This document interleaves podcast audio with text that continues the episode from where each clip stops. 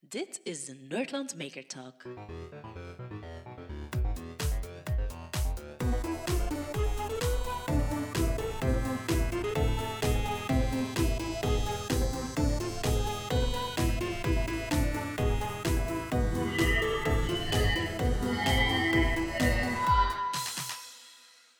And we're rolling, rolling, rolling on the river. Dag Maarten. Dag Kurt. Voilà, we zitten hier met z'n tweetjes bij u thuis. Verrassend, Dat hè? kan maar één ding betekenen. Dat eigenlijk rond u gaat vandaag. Of dat degene die moest komen niet is opgedaagd. Oh ja, maar dan hadden we, ja, hadden we dat niet opgenomen. Nee, dat hebben we niet bij mij thuis gedaan, dat is Nee, waar. Nee, eh, we zitten hier bij Maarten. Maarten is ook een maker, een eh, stevige maker zelfs.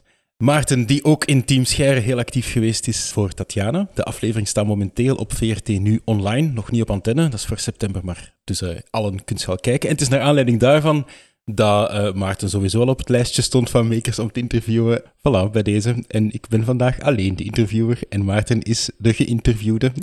Is antwoorden. Dag Maarten. Dag Kurt. Welkom. nee, voilà. Dus eh, de aflevering van Team Scherm. Voor degenen die het nog niet gezien hebben, de case waar dat jij eigenlijk een oplossing voor gemaakt hebt, gaat eh, rond Tatjana. Tatjana heeft tinnitus.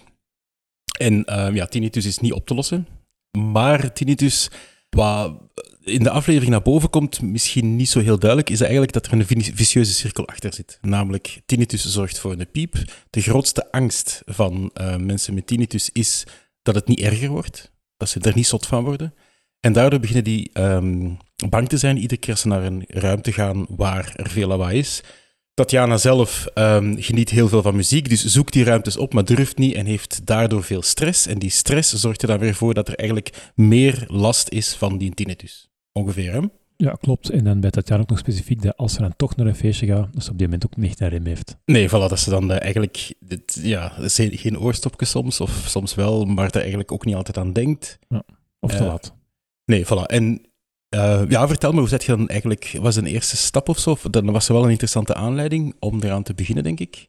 We zijn uiteraard eerst eh, met Tatjana gaan praten. Eh, nu, het was voor mij een heel herkenbaar feit, Mhm. want hey, sinds dat ik vroeger bij in discotheken als DJ gespeeld DJ heb. Fungi. DJ Fungi, inderdaad. Ehm, de, de naam van die er steeds nog wel overkomen. dus dat is misschien even een bijzaak nu.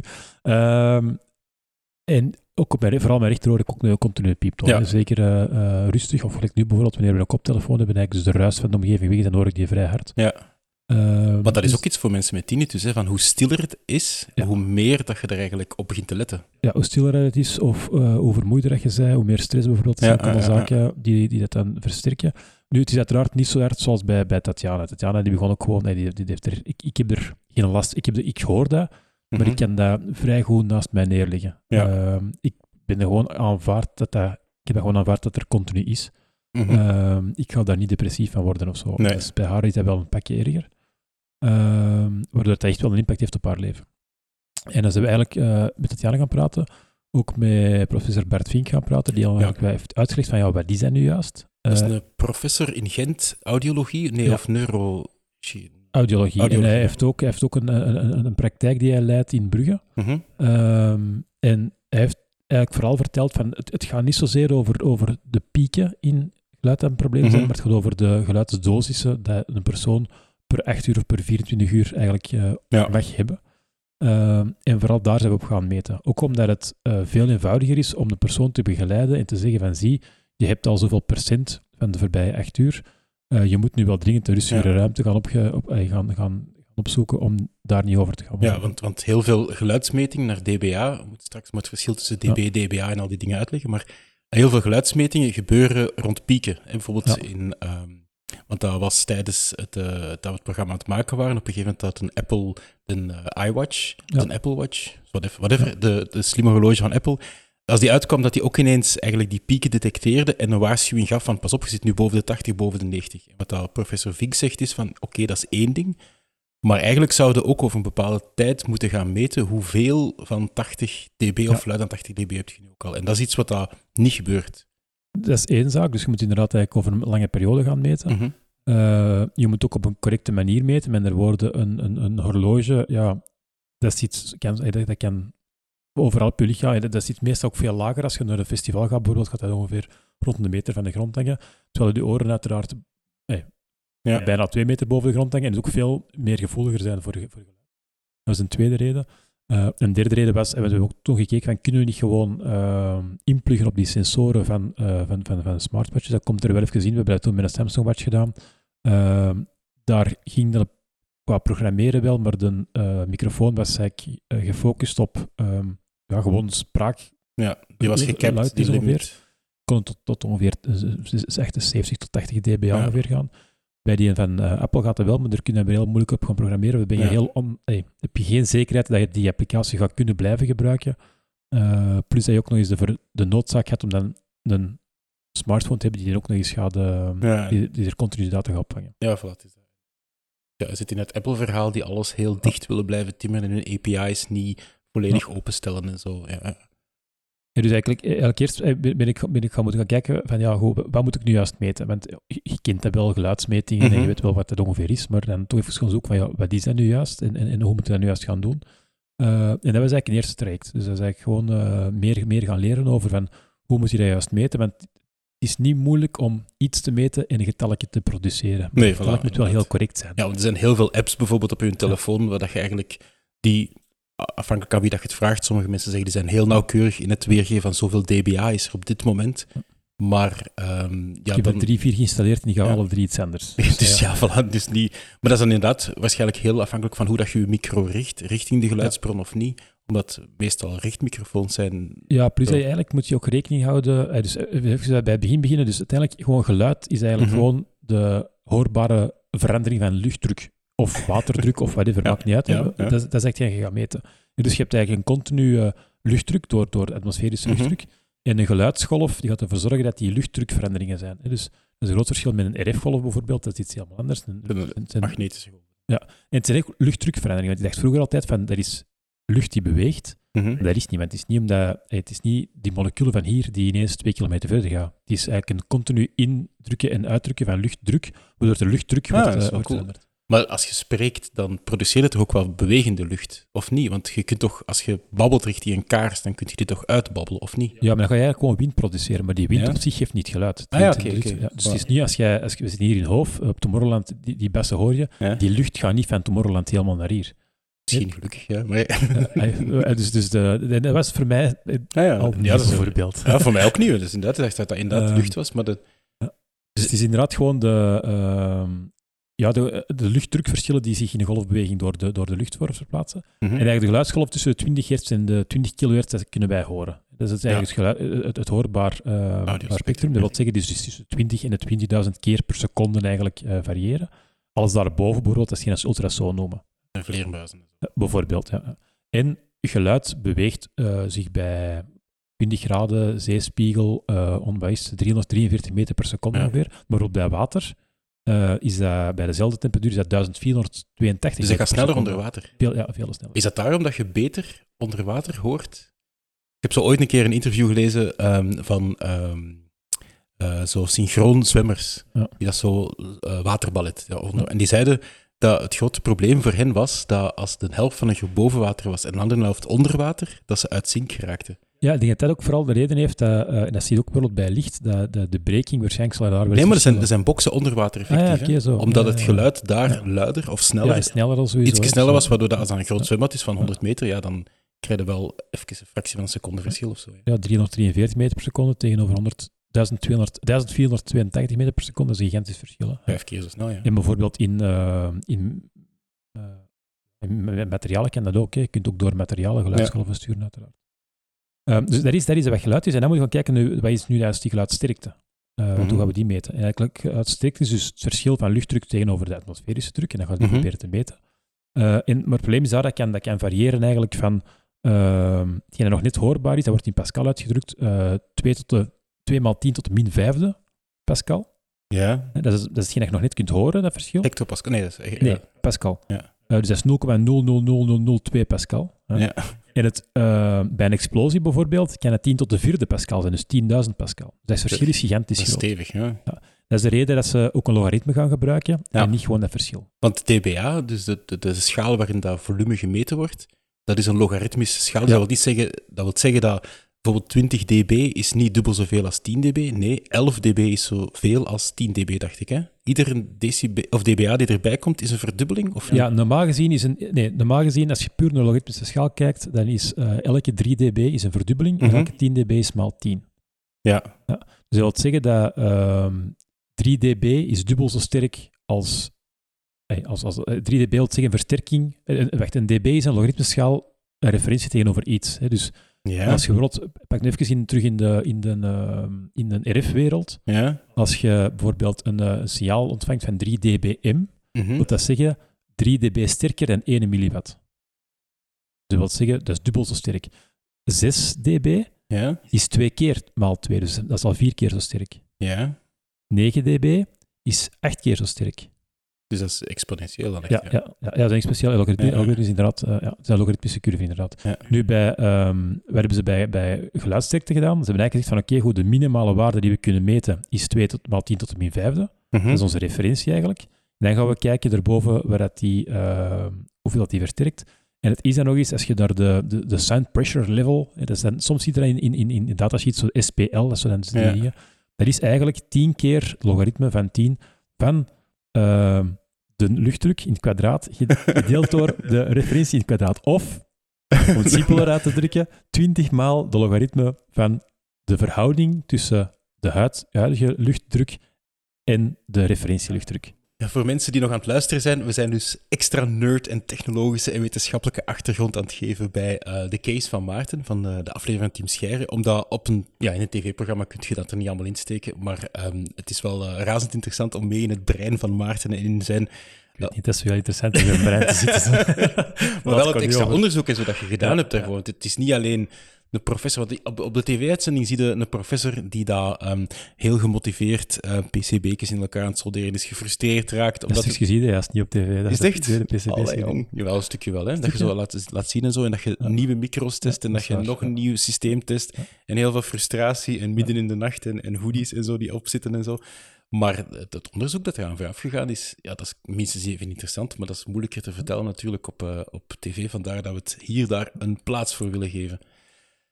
Maar dus, je hebt een schaal, een logaritmische schaal. En ehm, wat waren dan zo de problemen? Want je zit dan, ja, ik denk, de eerste is een goede micro zoeken dan, of niet? Wel, dus je hebt, je hebt dan eigenlijk, ehm, je, je moet dan, wat je dan eigenlijk gaat doen, is je gaat, je gaat, ehm, je gaat meten. Je gaat eigenlijk je, je, je, je geluid meten, dus inderdaad een Ja. goede micro zoeken. En eh, vrij snel komt dan wel bij MEMS-microfoons, hè, dus eh, Ja. MEMS, Micro-Electronical Mechanical Systems. Ja, Eh, hele kleine microfoontjes, die eigenlijk een combinatie zijn van een bewegend elementje en Mhm. die eigenlijk die beweging die de geluidsdruk dus meegeeft, eigenlijk omzetten naar een signaal. Dat is echt inderdaad, dat is voor mij de wereld die vorig jaar is opengegaan, zo, toen dat je zo met een accelerometer en een gyroscoop, zo echt zo, dat je op microscopisch klein niveau, echt zo, ja, de grootte van nog niet eens een speldenkop, de grootte van dat zwart chipje in, op zo'n PCB'tje, dat er echt mechanische dingen in aan het bewegen zijn en die uitgemeten worden om dat in een elektronisch signaal op te zetten. Ja, en dat is bij, bij een MEMS-microfoon ook zo. Dus je hebt eigenlijk een, ehm, een membraantje dat beweegt, eh, tegenover een membra- membraan dat tegenover een vastplaatje dat niet beweegt. Ja. En eh, door die, die, die luchtdrukverschillen, die gaan eigenlijk die twee bewegen. En hij gaat eigenlijk kijken, eh, hij of zij, ik weet het niet, een man of vrouw kiest zo'n microfoon, Oh ja. whatever, het, eh, gaat eigenlijk een eh, elektrische puls geven die het verschil weergeeft tussen hetgene dat eh, vast is en hetgene dat be- En is dat dan gelijk een condensator of zo? Is er een spanning over Dat, die dat twee? kan, die ja, dat varieert kan inderdaad een, een, een, een, een, capaciteit zijn die verschilt, Ja, bijvoorbeeld. ja, ja. Omdat bijvoorbeeld anders, als, hij- als je enkel naar dat... Want dat dacht ik in het begin dat dat gewoon een, een, een membraan was dat beweegt. Maar als je dat zou doen, ja, dan zou een trilling, een beweging, een vibratie, zou dan ook een, Ah ja, iets als je geven. dan Dat is schudt met je micro. Ja, Dus het is het verschil tussen het vaste stuk en eigenlijk hetgeen dat beweegt. En hetgeen Ja. dat beweegt, dat, dat, de- vandaar dat er bij een MEMS-microfoon ook altijd een klein gaatje is, want uiteraard moet die luchtdruk daar wel naartoe ja, kunnen. ja, ja. Wat ook belangrijk is voor je behuizing, want ja, als je het helemaal zou, zou, zou dichtmaken, ja, dan, dan, dan, dan gaat dat een stuk beperken. En is dat, is, zit zo'n MEMS-microfoon zit ook in de smartwatch? Of zit daar een... Ja. ja. Ja. En in uw telefoon zit daar ook een MEMS-microfoon? wel, ja. Ja, dus eigenlijk is Ja, het tegenwoordig... Ja. Ja. Omdat als je naar, een, Ja. naar zo'n kleinere vormfactor gaat, is een gewone microfoon gaat gewoon niet meer. Want hoe werkt een gewone microfoon dan? Dat is echt puur met een, een, dat Dat is een is resistief, denk, resistief, denk ik dat dat eerder Ja, gaat is dat geen magneet die trilt in een, in een koperen spoelveld? In Gelijk de principe een luidspreker? als een luidspreker, inderdaad. Ja, Ja, klopt. Ja. Maar op zo'n kleine microscopische schaal kun je dat niet meer maken waarschijnlijk. Qua energie is er ook een groot verschil. Ja, Eh. Want uiteindelijk eh, verbruikt die eigenlijk heel... be- Ik weet het niet meer van buiten, maar die verbruikt eigenlijk heel weinig. Want hetgeen dat ik nu gebouwd heb, dat werkt continu eh, zes dagen. Ja. Dus ik kan zes dagen continu meten met Ja. een, een batterij die gigantisch klein is. ja, en ik heb het hier momenteel ook vast. Dat is echt zo drie centimeter piek, op een centimeter. En daar zit dan en batterij, en Bluetooth-chip, en micro, en alles in. En dat werkt dan zes dagen. Ja, we hebben daar wel wat tijd in gestoken om dat echt deftig te krijgen. Eh, dus uiteindelijk ga je dan dat meten en Mhm. dan heb je een aantal mogelijkheden. Je hebt dan sommige MEMS-microfoons die je dan via I2C of zo kunt gaan uitlezen. Eh, de deze die gaat eigenlijk een pulse density modulation signaaltje meegeven. Dat wil eigenlijk zeggen dat je een ehm, dat je eentjes en nulletjes gaat, gaat eh, dat je een, ja, een spanning geeft wat je gaat omzetten in eentjes en nulletjes. En ehm, de, het aantal nullen of het aantal enen geeft eigenlijk de waarde van uw, ehm, van uw signaal neer. Dat zijn ook gewoon bytes. Dat zijn blokken van data. En op basis Ja. daarvan kun je gaan afleiden hoe... signaal, hoog het signaal ja, eigenlijk ja, is. Hè. Dan krijg je eigenlijk, op dit moment krijg je een signaal, ik denk ongeveer eh, dat in deze 16.000 keer per seconde meet. Ja. Eh, 16 kilohertz. Eh, en dan gaat hij eigenlijk een, een, een, eh, iets meten. Nu, wat gaat hij dan meten? Want ja, dan geeft hij een getal, maar wat wil dat getal dan zeggen? En dan moet je gaan kijken naar een datasheet van een microfoon. En dat is ook de reden Ja. dat je niet zomaar een app kunt hebben op een smartphone ehm, die altijd werkt. Want je moet echt wel weten welke microfoon dat je gebruikt om die waarde te kunnen interpreteren. Maar ja, want meestal, de meeste mensen die een microfoon gaan gebruiken, die doen dat om audio op te nemen. Maar jij wordt niet geïnteresseerd in een audio, jij wordt geïnteresseerd in, in het volume. Ja, voilà. Maar normaal gezien, inderdaad, ga je audio opnemen en dan, dan ga je wat spelen met het volume om die goed te krijgen. Maar nu inderdaad moet je echt heel exact weten waar het volume was dat er binnen gaat. Want ja, je krijgt dan een string van bits binnen en je weet dan op basis van de blokken van oké, dit is ongeveer uw geluidsgolf dat je kunt reconstrueren of niet, of, of Ja, ja dus op die moment krijg je een geluids... Op die moment krijg je eigenlijk krijg je waardes eh, ten opzichte van... eh hij is gecalibreerd, die microfoon, dus dat moet al beter Mhm. zijn in een datasheet. Bijvoorbeeld eh, de waarde 1642 komt overeen met 94 dBA. Ja, Dus- maar dat was inderdaad de vraag van hoe, hoe raakt je dan vanuit zo'n Ja, geluidsgolf naar dit is nu Ja. zo luid. Ah, wel, dat, dat zijn de amplitudes die je dan krijgt. Wat je dan Mhm. gaat doen, is over een bepaalde periode die amplitude eh, gaan integreren. hè, de root mean square van al die samples gaan, gaan nemen. Root mean, ja, het kwadratisch gemiddelde. Hè? Dus Ja, dat- ja. dat- dat- ja, voilà. Ehm, en dan krijg je eigenlijk ehm, krijg je dat. Ehm, eigenlijk zouden de... Ja, de- oké, dat is echt heel technisch, maar eigenlijk zouden de DBFS, dat is de, de, de full-scale meting moeten meten, maar Ja. goed, dat, dat, dat corrigeerde later in de berekening. En Dat dat, heb je je, dus- dat heb je allemaal zelf gedaan. Even, eh, ja, dat moet er allemaal in, hè? dat moet er allemaal in. Dus het is niet dat je, dat je een micro of een MEMS-chip gebruikt hebt en dat je eigenlijk in een van de parametertjes dat eruit kwam, eh, automatisch het dBA eruit kon Nee, nee, halen. nee, nee. nee. Dus gaat, wat je dan eigenlijk gaat doen, is je gaat het, eh, het gemiddelde nemen van je, uh, sam- uw, uw square, Ja. gedeeld door het aantal samples. Want uiteraard, ja, je mocht niet die gewoon optellen, je moet die dan uitmiddelen over een bepaalde Ja. periode. Ik doe dat over eh, een, een halve seconde, dacht ik. Ehm, die waarde deel je dan door 1642, want dat was onze referentiewaarde Ja. van 4, eh, 94 dBA. Eh, dan pak je het logaritme, maal 20. Eh, dan doe je plus 94, want dat is de waarde dat, die, dat, die dat je hebt. En dan corrigeer je nog eens met een factor 3,0103. eh, om, eh, nou, en dan krijg je je lek. En je lek is dus eigenlijk je... eh, Lek als in eh, LEK. ja, ja, LEK. eh, als in... eh wat was dat nu weer? Uh, nu dus denk ik dan nadenken. Nu weet ik het niet meer. Eh, L, eh, ik denk dat je de loudness helft van de luisteraars al weggeblazen hebt. Whatever. Eh, Maar dus een hele, een hele, voilà. hele berekening op basis van echt Ja. zo een, ra- een, een ruw signaal dat binnenkomt, een ruw signaal aan, aan nulletjes en eentjes, om dan eigenlijk tot een... dB-waarde. Een Nee, dB-waarde. dB-waarde. Oké, ja, ja, dan heb je dB. dB. Dus dan heb je eigenlijk een... een En wat is het verschil tussen dB en Ah, wel, komen we. Ja, alright. En dan hebben ze gezegd van ja, maar eigenlijk een persoon gaat niet alle eh, frequenties even hard horen. Mhm. Bijvoorbeeld ehm, een toon van 10 hertz, Ja, die hoorde 70 keer zwakker dan een toon van 1000 hertz. een 1000 hertz is zo zo'n... Is dat zo'n... Ja, dat is zo'n- 1000 ja, hertz, ja. De meeste microfoons worden trouwens op 1000 hertz ook gecalibreerd. Ja. Ehm, dus 10 hertz worden 70 keer zwakker dan 1000 hertz. Wat ga je eigenlijk doen? Je gaat eigenlijk je meting in dB gaat corrigeren ten opzichte van het menselijk gehoor. En die filter, dus waardoor dat je eigenlijk je, je lage frequenties lager gaat meetellen, Mhm. eh, en bijvoorbeeld, ik denk vanaf een, ehm, vanaf een 10 kilohertz ongeveer gaat die ook lager meetellen, die, eh, die filter die gaat, eigenlijk, die gaat dat concept meepakken. Die gaat eigenlijk dus het, het, het, het, Ja. het, het, het feit dat het menselijk oor eh, de lage en de hoge frequenties minder hard hoort dan bijvoorbeeld 1000 hertz, gaat die verzwakken in dat signaal dat je binnenkrijgt. Ja, dus je gaat eigenlijk een beetje equalizing dan doen. Ja, klopt. Ja. En je hebt eigenlijk verschillende. Je hebt, je hebt de, de A, de B, de C, de D, je hebt verschillende dingen. Ah, ik dacht dat echt dat, dat gewoon dBA voor audio stond eigenlijk. Nee, ik dacht nee, dB, nee, voor, dB is gewoon, we meten de kracht van, van golven. Ja. En dan je hebt dB voor, voor elektromagnetische golven, je hebt dB voor audio, en dat ja, is gewoon dBA. ja, ja, nee. ehm, dB, eigenlijk, eigenlijk gebruiken ze dat bij audio verkeerd. Dus bij, bij dB wil eigenlijk gewoon zeggen, dat is een logaritmisch verschil tegenover een bepaalde waarde. Ja. Vandaar dat je bij, ehm, bij RF altijd dBm ziet staan. Dat wil zeggen met als referentie 1 milliwatt. Of dBW wil zeggen als refer- referentie 1 watt. Ja. Eh, en bij audio hebben we zoiets van, ja, we doen er niet aan mee. We zeggen gewoon dB. Eh, maar wat je dus niet weet, is dat eigenlijk tegen de referenties van, wat is het, eh, 2 tot de 10 maal 10 tot de min vijfde eh, Mhm. Pascal is. Ehm, en eigenlijk zou er moeten staan dB ten opzichte van... Maar dat was te lang. Ja, voilà, dat is te lang. Ze hebben het echt niet gedaan. En dan de A, de B, de C of de D die erachter kan staan, is eigenlijk de, ehm, de uitfiltering, de uitmiddeling die je gaat gebruiken om dat te gaan doen. En eigenlijk is dat fout, want ik geloof, ik, ben in, in, ik kan verkeerd zijn met de parameter, maar ik denk dat A eh, eigenlijk klopt tot ongeveer 76 dB. Tot, tot daar ongeveer klopt die weighting. En eigenlijk erboven zou je een andere eh, gewichtsfactor moeten gaan gebruiken. Ja. Maar alle wetgeving is nu eenmaal gebouwd rond dBA, dus Ja. daarom ook dat we dBA gebruiken. Maar dus eigenlijk, dat wil zeggen dat, dat... Want is dat dan op basis van wat dat schadelijk is, of hoe dat je als, als mens ehm, met dat geluid, hoe dat, dat op je afkomt? Want, eh, dus eigenlijk zeg je dat ehm, een lage bastoon minder schadelijk zou zijn dan een 1000 hertz.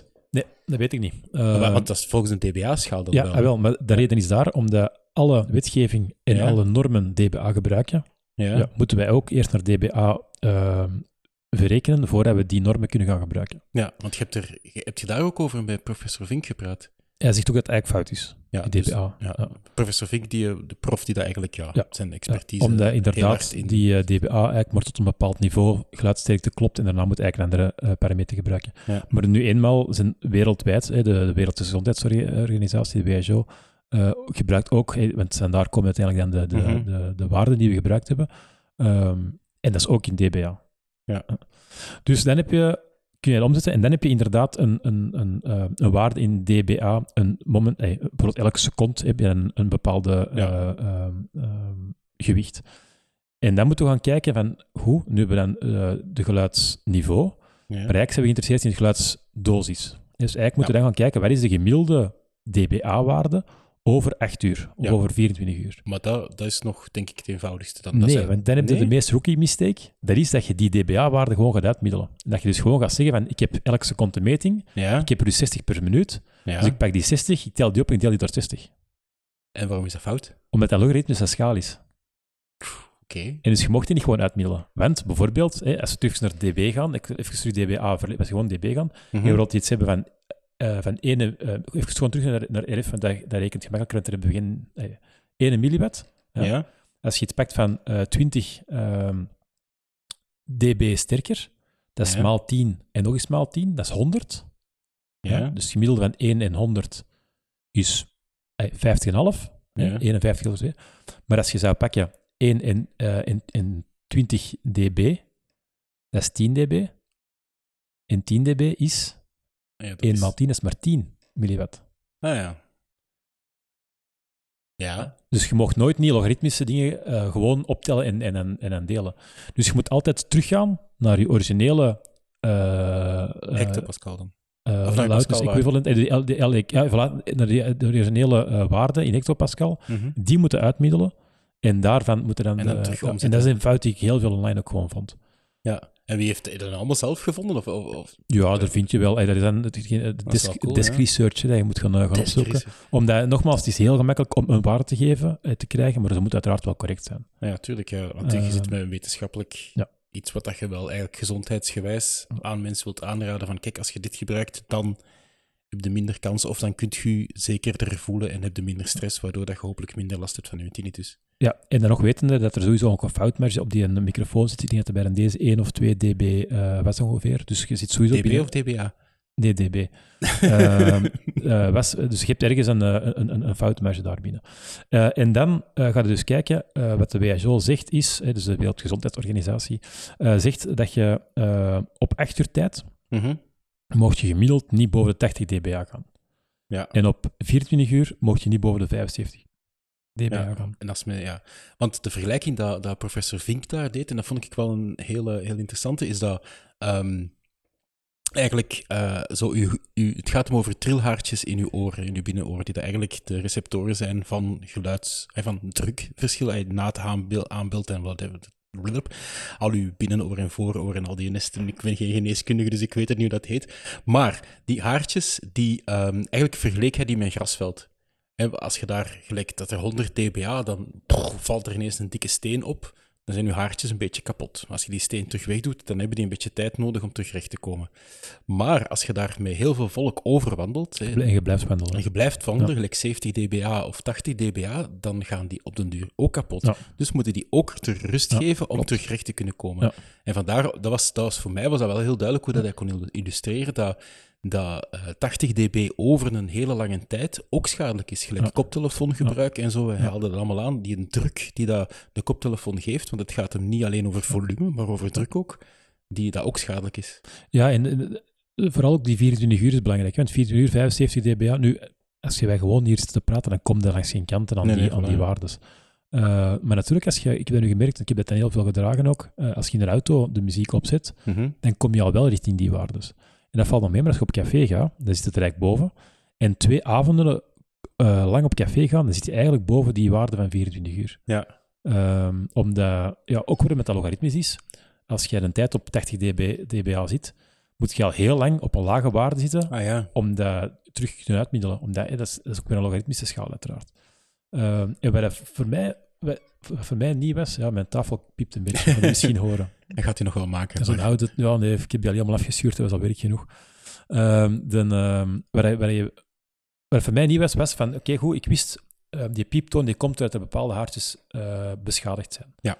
En ik dacht dat dat was met die continue ehm signaalgave, maar dat is eigenlijk omgekeerd. Ja, die geven geen signaal meer en je lichaam en je hoor en je brein eigenlijk Mhm. gaat dat zodanig versterken om toch een signaaltje te ontvangen Ja. op die frequentie, dat je eigenlijk die pieptoon Die creëert. uitleg zit wel in de aflevering. Ja, dat zit er inderdaad in. Professor Vink die En geeft. ja. ehm, nou, er zullen misschien nog wel luisteraars zijn die, die de aflevering nee, niet nee, maar het is goed dat je het nog een keer Eh, zegt. Ja, en absoluut. het helemaal frappant was, is dat de, de piep die eh Tatjana eigenlijk hoort, dat dat maar 7 dB was. Dus eigenlijk gewoon een spinnetje dat op de grond loopt, dat kun je niet horen. Maar doordat zij ook gehoorschade, minder goed hoort, gaat er brein alles versterken en dus ook die piep mee versterken. Absoluut. En dat is ook hetgeen wat, dat, wat dat mensen met tinnitus het meeste last van hebben. Want we hebben in onze research uiteraard een aantal kandidaten gezien ehm, voordat we het programma effectief, eh, voordat we Tatjana eh, als, als, als personage naar voren gedragen hebben.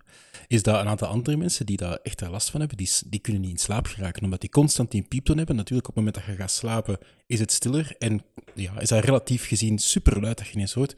Dus er bestaan gewoon toestellen die een witte of een zwarte of een grijze ruis constant eh, produceren Ja. voor die mensen om in slaap te geraken. Ja. En, en dat, is, dat is waanzin. Eigenlijk, dat is ook wat, dat, wat dat professor Vink zegt, is dat voor zo'n mensen is het eigenlijk beter om lawaai, binnen bepaalde dosissen uiteraard, te gaan opzoeken, dan stil en alleen thuis te blijven zitten, want dan wordt het letterlijk zot. Ja, ik, ik vond het ook in een test dat we dan eh, met Tatjana gedaan hebben bij, bij Bert Vink, dat is die... ehm eh, waar ze die, die geluidstesten hebben gedaan, Mhm. dat is echt dat hij pijn had. Hè, dat hij gewoon begon te schreeuwen van, van, de, van de pijn, van, van de, gewoon de pure test, hè, de, de typische pieptest die je Ja, van het PMS van vroeger. Ja, daar zo'n begon gewoon aan en te de- wenen van de pijn dat dat, dat, dat zo hard binnenkwam bij haar. En pijn op bepaalde frequenties dan. Want dat, Ja, dat weet ik niet, maar dat is ontschreven naast mij. Dat was even, Ja. dat was een heel moeilijk moment. Ja. Eh, omdat je, ja, je wilt die helpen, die zit er dan naast je te schreeuwen. Eh, en dat is, ja, dat was echt, dat, dat, ja, dat, dat is echt moeilijk. Ja, dat snap ik wel. Ja. Maar dat was ook hetzelfde toestel dat je in Heldhouse in het begin Ja. met die andere prof van de, Ja. van de KU Leuven ehm, ook om een keer te laten zien, van kijk, of te laten horen van... Want je hebt dat bij je eigen ook getest, hè? Welke, op welke frequenties dat uw tinnitus zit? Ja, twee, drie frequenties ook inderdaad. En dat was redelijk hevig. hevig. Ehm, en vooral, ik vond dat niet hevig, maar als ik dan diezelfde... Als, je hebt wel apps die dat, waar je daarmee kunt, kunt, eh, kunt doen. En dan kun je met een koptelefoon eigenlijk ook inderdaad gaan kijken welke frequenties dat er juist ehm, ehm, bij je opkomen. Dan moet je eigenlijk altijd die match. Dus je moet eerst de juiste frequentie of een toon vinden. En dan moet eigenlijk met je andere oor, eh, gaan ze daar een bepaalde toon het volume ver- verhogen, totdat je zegt van oké, dat is hetzelfde op de twee oren. Ja. Ehm, Want eigenlijk die ene frequentie op welke dat jij tinnitus hebt, daar hoort je eigenlijk niet op. op die Nee, klopt. Ja. Maar dus je Ja. hersenen denken van, hé, hey, eh, trilhaartje, jij moet lawaai geven, jij geeft geen haartje, dus ik ga gewoon uw trilhaartje even wat luider zetten en dan krijg je eigenlijk een vals positief de hele tijd in je hoofd dat je toch een toon hoort. Ja. Maar met mijn andere oor kan je dat dan wel, eh, kun je dat dan wel horen. Eh, en toen ik daar andere mensen liet horen, zei hij zo, zeg, zet daar eens af. Maar je zei ook, ik denk dat je dan, aan de ene kant versterkt je hoofd, hè, maar ik denk dat tijd, dat ook wel je hoofd dat een stukje terug probeert uit te filteren op een gegeven moment. Ehm, En dat was, eh, want bij, bij Health wou ze mij dan eigenlijk laten voelen waar het was om continu zo'n pieptoon te hebben. Eigenlijk mijn stressniveau meten. Maar ik had zoiets van, ja, ik, ik hoor er elke dag. Dus, ik, ja, dus dat gaat niet te heel veel verschillen. Uh, dus dat was misschien ook niet de beste test daar, maar ja, goed. En dat stond ja. nu eenmaal gescript. dus, um, maar dat was ook wel de bedoeling van de oplossing, om um, eigenlijk Tatjana een geruster gevoel te geven van het mag. Je moogt nu even 80 dB hebben. Klopt. En, en, en uh, ik heb daarna nog wel wat, wat feedback van Tatjana ook gehad. Ook uh, toen met de uitzending zei ze ook van ja, merci, ik gebruik het nu ook wel. En uh, in het begin kon ik ook alles loggen. Ik heb er nu afgezet, want ja, dat zou privacy niet zo oké okay zijn. Je wist wanneer dat ze bijvoorbeeld wakker was? Ik, ik, wist het geluidsniveau dat ze dus continu haar had. Ja. Uh, maar dat, dat, dat, dat, was enkel tijdens, af, af, ja, tijdens, ja, de, de, op, tijdens de uitzending dat we dat, dat, we dat bekeken hebben. Um, maar het grappige was dat ze direct na... Ah ja, want dat was ook nog bij. Dus uiteraard, ja, je meet dan. En ik heb dan, mm -hmm. in het begin was dat eerst met die, met die smartwatch. Um, maar dat lukte dan niet. Dan heb ik dus gewacht, want er kwam dan misschien een nieuwe smartwatch uit die dan uh, dat wel kon. Dat was dan ook niet het geval. En dan ben ik dan toch gegaan voor wat ik niet wou bouwen. Ik wou absoluut geen nieuwe wearable bouwen als er bestond, dat wel kon.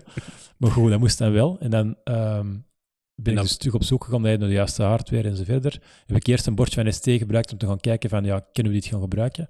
Uh, maar ook daar moet je dan een beetje een keuze maken tussen welke, eh, welke chips willen gaan gebruiken. Omdat um, ik, heb, ik ben nu eigenlijk gegaan voor dezelfde Bluetooth-chip die ik gebruikt heb voor, van de case van vorig jaar van. Ja omdat ik daar al heel dat development concept van begrijp. Mm -hmm. uh, en ik heb dus eigenlijk vooral moeten gaan zoeken hoe kan ik dan die een MEMS-microfoon erop werken. Ja. En daar was het heel vervelend, want je hebt zoiets als uh, I2S. Ja. En ik dacht vroeger altijd I2S, dat dat een typfout was, dat de I2C was. hè, dus voor de mensen die, die niet mee zijn, uh, je hebt verschillende manieren om tussen sensoren en micro microcontrollers te gaan praten. Ja, het gaat hem eigenlijk over een soort protocol dat je op een heel laag embedded niveau in nulletjes en eentjes met elkaar babbelt. Ja. Dat ze eigenlijk afspreken van, kijk, deze acht uh, tekentjes die willen dat zeggen en dan volgt er die ja. en dat volgt er die. Eigenlijk een protocol ja. die dat in, in heel die stream een beetje duidelijkheid schept, zodanig dat je dat componenten met elkaar kunnen babbelen. Ja, ja voilà. je hebt zo de gemakkelijkste, dat is gewoon een seriële verbinding. Hè. UART, je hebt één lijn is voor de, van, van, van punt A naar punt B te gaan, mm -hmm. en de andere is gewoon van punt B naar punt A. En je hebt uh, SPI en je hebt uh, I2C enzovoort, maar je hebt ook I2S, dat is Interface to Sound, dat zijn vijf lijnen, dacht ik, uh, waarvan het er een aantal, waarin dat ook die audioblokken echt worden gestuurd. En daar heb je bepaalde... de, de, de, de, de, de MEMS-microfoon um, die ondersteunt een aantal sample rates. Dus ja. een aantal keer per seconde dat je dat uh, gaat binnenpakken. En uiteraard moet, de, moet een, de microcontroller ook on, on, ondersteunen. En er zijn, ja, moeten hetzelfde zijn. Ja. Of je moet dit ook in instellen dat die hetzelfde zijn. Ja, of het dubbel of de helft of zo. En ik had inderdaad in het begin eerst uh, een uh, prototype met Arduino gemaakt en dat werkte perfect. En dacht van oké, okay, goed, dan zet ik dat nu op die, uh, op die chip van Nordic. En uiteraard, die chip van Nordic, die ondersteunt niet de sample rate die die microfoon ondersteunt was 24. Ja, ik weet het nog aan buiten. Het is al bijna ja. een half jaar geleden. uh, en ik heb een, mijn geheugen, dat is een ramp. Uh, dus het werkte niet. Uh, en dan ben ik eerst nog 1, 2, 3 weken koppig geweest van, dat moeten we wel in gang krijgen. -huh. ja, ik had zoiets van, ik had al heel die ontwikkeling gedaan. Dat ik heb die beelden gezien, maar ik heb ze gezien. Ja, voilà. ja, voor de luisteraars, Kurt heeft eigenlijk heel veel van de beelden die ik dan met mijn homecam opneem, moet hij dan verwerken en uitschrijven. dus je kent mij soms beter dan ik zelf. um, En dan uiteindelijk ben ik dan toch geswitcht van Ender. Ik, een, een, een, een, uh, ik heb er nog een bordje van ST gevonden, maar daar, uh, die werkte de microfoon dan wel goed. Uh, maar de, de, de, ja, dat was een, een oude chip, een oude Bluetooth-chip, waar ik totaal geen ondersteuning meer van, van was. Dus kon ik dat ook niet gaan gebruiken. En dan heb ik wel die chip... Is dat die ene waarvoor dat je je eigen protocol opnieuw geschreven hebt? Of je eigen... Was dat een ene waar dat je ja, ik heb ook heel veel Maarten met chips ja. zien, zien prullen op, op scherm en dan ineens zo een uitleg van, ja, ik kan nu mijn eigen library schrijven, want dit kan niet compilen voor dit en, en dat Ja, dat was dat dan. Ja, ja dat, dat, dat, is een probleem. Maarten, koppig als hij is. Ja, nee, maar je vindt dan bijvoorbeeld wel een, uh, een, je vindt dan een library die bijvoorbeeld voor Arduino werkt. Ja. Maar ja, met Arduino krijg je dan nooit niet zeven dagen... Uh, ja, ook niet zo klein, hè? Ook niet zo klein te zijn. Dus je, zet, je, zet dan, je moet ergens een combinatie doen. Dus je kunt die library dan wel een stukje bekijken, maar je moet het dan wel zien dat beeld met dat systeem van, uh, van Nordic in dit geval. Um, en dat is wel gelukt, maar um, dit jaar zit nu is de behuizing er rond.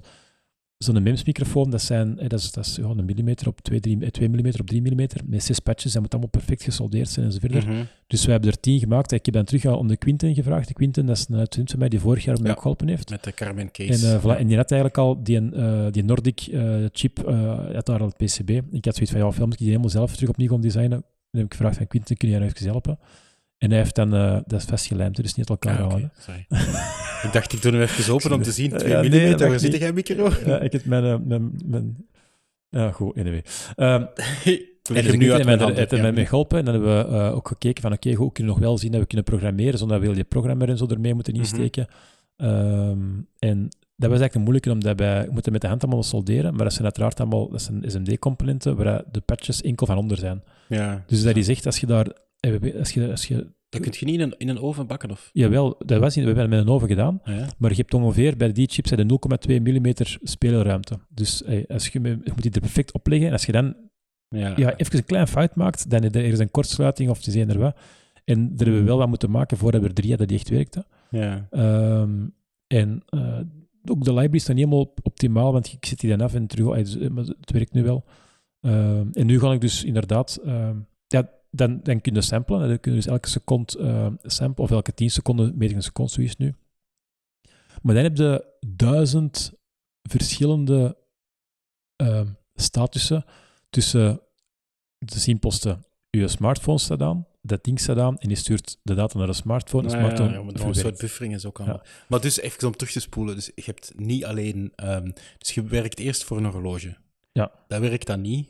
Dus dan fase, stapje 2 is Ja. eerste development omgeving. Dat werkt ook niet. Ja. Tweede om, development omgeving. En dan de derde combinatie tussen een MEMS microfoon en een Bluetooth chip, die werkte dan wel.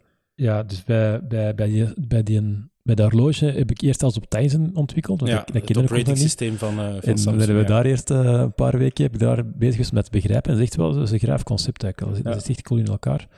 Ehm, maar ook daar had ik dan een probleempje dat ik ergens bepaalde drivers gebruikte die je niet mocht gebruiken, doordat het dan eh, dat een app niet goedgekeurd wordt. Ja, en dat we dat zelfs nog met dingen. Samsung aan het mailen zijn geweest. Ja. hey, kunnen die een app goedkeuren? Ehm, en dan dacht ik van, dat werkt en alles. Dat was met een mooie interface en zo verder. Mhm. Maar ja, goed. Dan, als je dus boven het 80 dB bent, werkt het niet. Wat wel net het, doel van het ding was. En dan wil ik Uiteraard, kijken, wat gaan we doen? Gaan we een nieuwe behuizing rond die, rond die watch maken, door het bijvoorbeeld te gaan verzwakken? Maar dat was dan maar te veel dan- zever.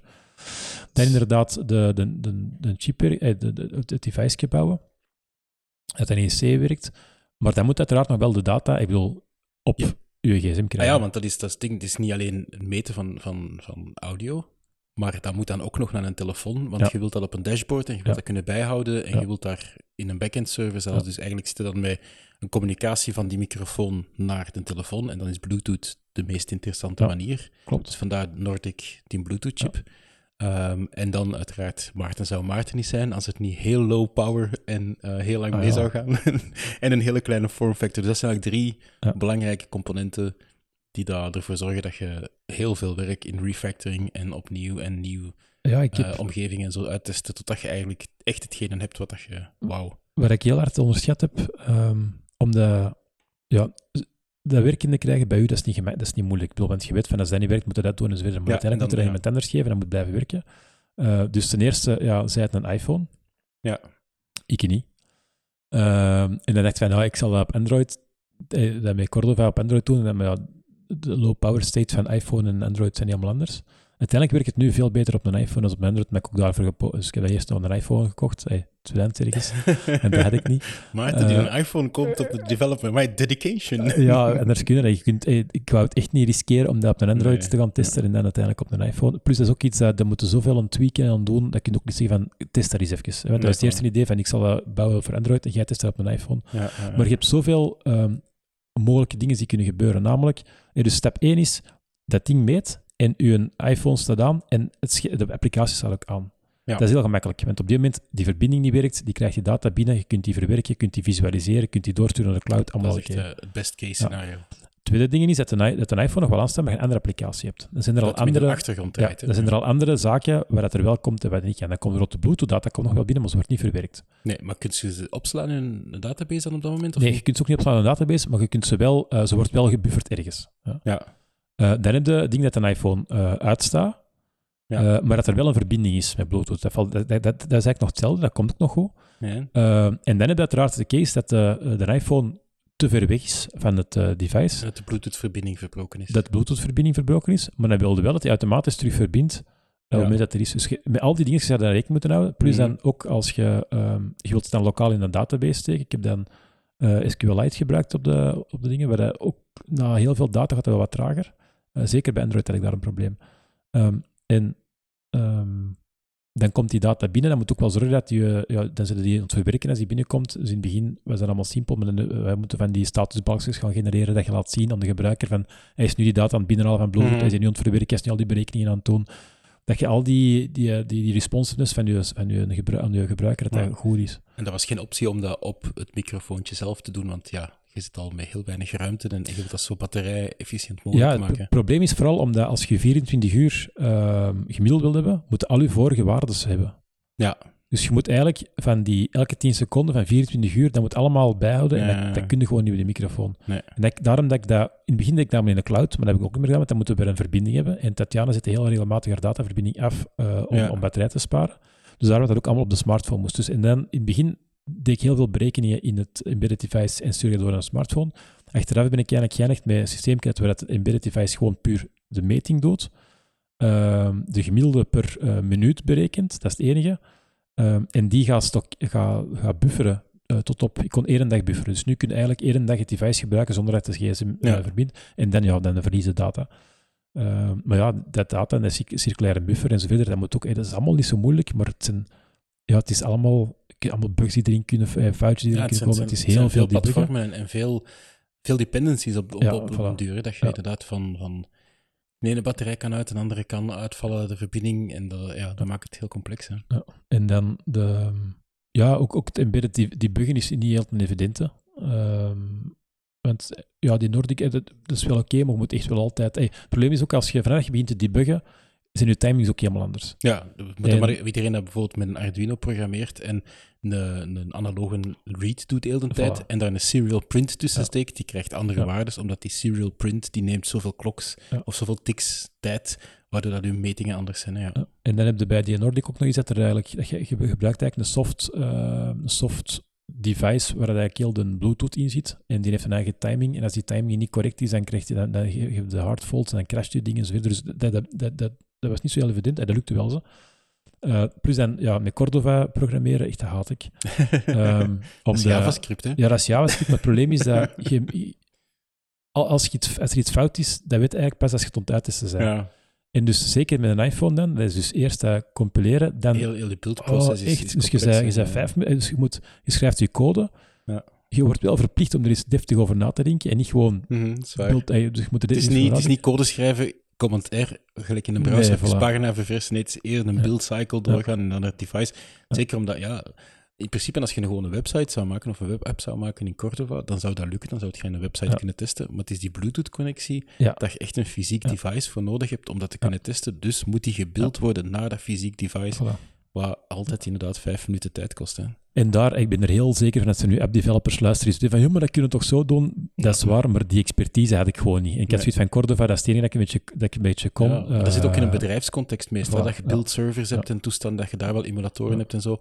Maar ja, van inderdaad hadden niet. hè. En dat is dan de uitdaging dat je op eh, ja, zes maanden, avonden en weekends zo wat heel veel verschillende dingen bij elkaar moet krijgen. En pas op, ik heb Thijssen geleerd, ik heb met dat Bluetooth-ding leren werken, ik heb een, met een eerste iPhone-app geschreven. Ik heb een iPhone gekocht zelfs. Ja, ligt nog in de kast. Als ik ooit nog eens een iPhone-ding moet doen. Eh dat ligt gewoon in de kast. Ik altijd, ja, het maakt niet uit. En dat was wel leuk, hè. je leert heel veel eh, dingen bij. Ik denk ook wel dat als die aflevering op eh, antenne komt, eh, ja, er er 1 op 5 of 1 op 7 heeft last van tinnitus, dat gaat wel wat Ja. impact. Want ik heb nu ook al een paar vragen van, ja, waar Ja. kunnen we die app kopen? Ik zeg, ja, Ja, want die dat was app ook- alleen is niet genoeg. Absoluut, maar dat was ook een beetje zo, wat dat, eh, op het moment dat Apple daarmee uitkwam met, eh, in onze Apple Watch, we gaan keiveel op health inzetten.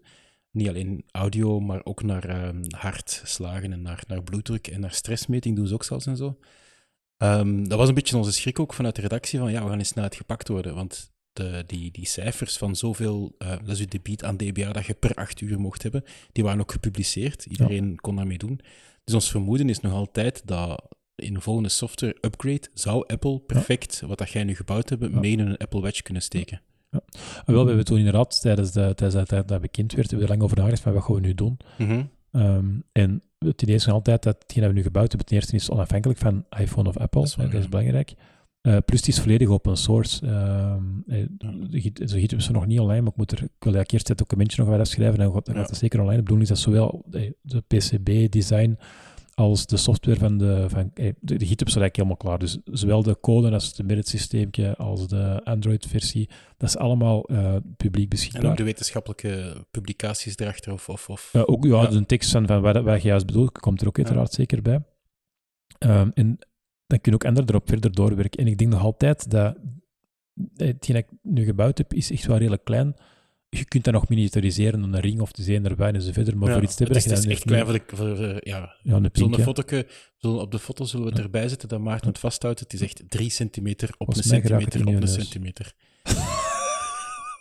dat zou kunnen, maar ja, ik weet niet of dat optimaal is voor Nee, want het, ik, heb- eh, ik, we hebben eerst gedacht om er een oorbel van te maken. Ja, Ehm, maar nu eh, is het eigenlijk ehm, ja, een soort clip die je dus... dus Ja, een dus, broche eh, eigenlijk, Een broche Ja. kunt ophangen. En ik heb nog gedacht om er een oorbel of een grote ring van te maken. Dat weet dat, dat, dat was. Ja. En, ja want, want nog een extra cool feature, ai, het is een heel kleintje natuurlijk, maar het is wel iets wat dat belangrijk is, is dat bijvoorbeeld als Tatjana naar een fuif of naar een feest gaat en ze zou oordoppen indoen, Ja. dan kan ze dat ook in een app aanduiden. Hè? Dat is een hele belangrijke. Hè? Dus we hebben, eh, ben ik in de eerste stappen ook gaan kijken naar iemand, eh, naar, naar oordoppen. Je hebt die, die, die gepersonaliseerde oordoppen, die zijn wel Ja. duur. Je hebt nu een, een, een start-up, eh, Loop, die zijn bezig met, eh, die hebben eigenlijk speciaal oordopjes laten designen. Dat is, dat is een, een, ja, een Loop, naar de naam. Eh, met speciaal membraantje. En zij zijn, ze hebben hun oordoppen kunnen laten certificeren die overal op alle frequenties 20 dB verzwakken. Wat uiteraard heel handig was, want dat DB wou of DBA? dB verzwakken. Oké. Ja, ik blijf het vragen, omdat ik vind het altijd gefascineerd dat er twee... Nee, ja. Sorry, ik heb dat ook. Dus ehm, de, wat het gevolg is dat je inderdaad, als je die aan hebt, dan weet je dat eigenlijk Mhm. het, geluid dat binnenkomt 20 dB zwakker is dan hetgeen dat je meet. En dan kun je inderdaad in een app zeggen van ik, draai, ik gebruik nu mijn, mijn oortjes. En eh, dat kun je ook instellen. Dus je kunt in een app kun je ook allemaal instellen van hoeveel dB moet ik eraf trekken enzovoort. Dat zijn Ja. allemaal configuraties die je in een app kunt, kunt aanpassen. Ehm, en dan, dat zie je gigantisch. Dus zo tijdens de, de opnames, eh, op de warmste week, de laatste dag, eh, op een gegeven moment doet Tatjana haar oortjes in en zie je inderdaad, ja, waar het, het geluidsniveau 84 was of zoiets, ik weet Ja. niet van buiten, werd dan ineens 64. Ja, dan zie je wel dat dat een Dan zit je onder die 78. ja, en dus dan, dat is, eh, trekt dat serieus naar beneden. ja, ja, ja. Eh, dus dat heeft wel een impact. Maar ik ben nu aan het denken, misschien dat ik er een, ehm, ja, een, een crowdfunding of zo van maak. Omdat ik denk dat uiteindelijk, als je, dat, als je er zo 100 van maakt, ik denk voor 40, 50 euro kunnen dat dus, kunnen laten produceren. Ehm, alleen, ja, ik heb er tijd in. Eh, dus ik zoek nog dat- een, een, een, een, een, een Een vrijwilliger. er, eh, investor of iemand die dat gewoon... Nee, investor. Ik zeg het, denk als je gewoon, als je, als je een man of 100 hebt die dat wilt laten maken, dan kun je dat volgens mij voor 50, 60 euro kunnen laten Ja, maken. want wat is de grote, kost, wat is de grote kostprijs van, van De, zoiets? de, de chip die we nu gebruiken, eh, die, die, die Nordic, dat is zo'n system on chip, waar het Nordic in zit, ik denk dat die 11 euro is. Mhm. De batterijen ook 4, 5 euro. Eh, de PCB-productie, als je dat... Eh, meer dat je er laat maken, voilà. hoe goedkoper. Hè? Ja, het is dat. En dan de behuizing is nu gewoon 3D-print. Eh, dit is ook een... Hetgeen dat we hier nu hebben is mijn eh, USB-C. We hebben eigenlijk USB-C misbruikt, omdat bij USB-C heb je heel veel eh pinnetjes.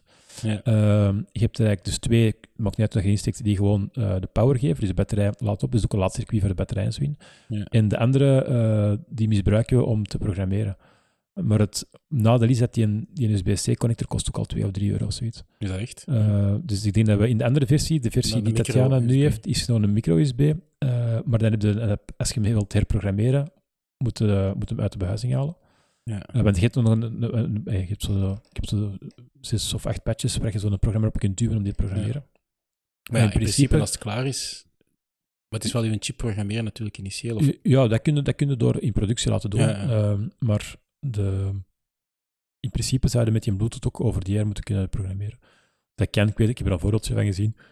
En dan kun je eigenlijk, als je een nieuwe update van je app hebt, kun je gewoon dat via een app van een iPhone of een Android, kun je zo ook je firmware flashen. Maar ja, dat is ook weer... ey, en dat kan allemaal, maar... Ik heb tijd in, hè. Als er mensen zich gegadigd voelen, met heel veel plezier. Ehm, Maar ik denk inderdaad, dat, wat, wat heeft professor Vink ervan gezegd? Qua ja, die vond dat super. Eh, Ja. ja.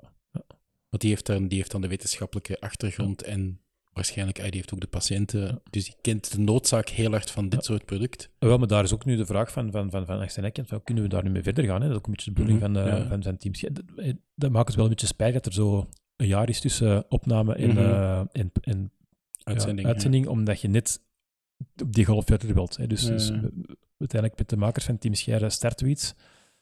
En dan is het gewoon wel heel tof dat daar mensen op reageren. Waar er misschien een paar zeggen van oké, dat past eigenlijk perfect binnen wat wij hier aan het doen zijn met onze Mhm. organisatie of met ons bedrijf, maakt niet uit. Want als bedrijven erop willen verder gaan, ook heel goed. Hè. Ik bedoel, Ja. eh, dat- dat is misschien nog beter, want dan, dan is er een sustainable business model rond. Dus, Wat is eh, dat, ja. Dan hebben ze garantie en zo, dat ze...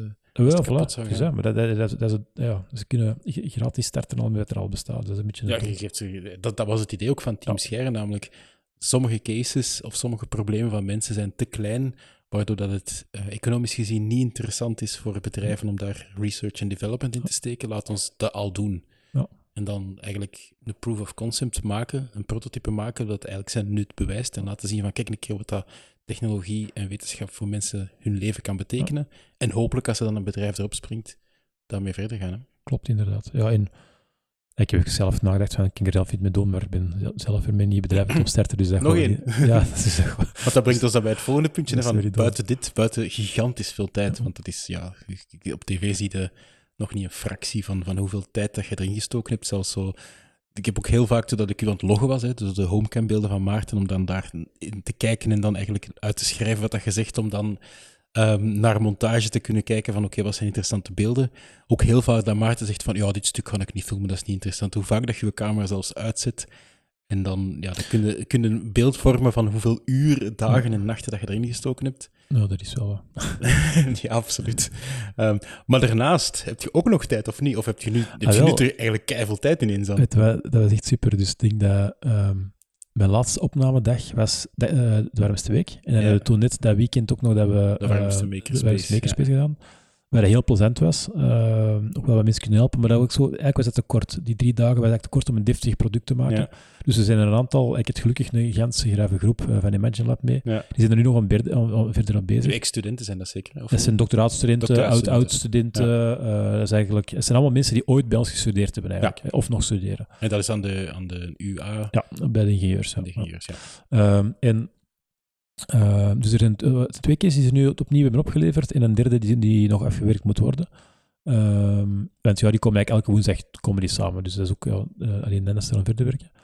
Ehm, maar ik had dan in de kerstvakantie zoiets van, ik had dan, ik had dan beloofd om gezien van, ik ga even terug verlof pakken.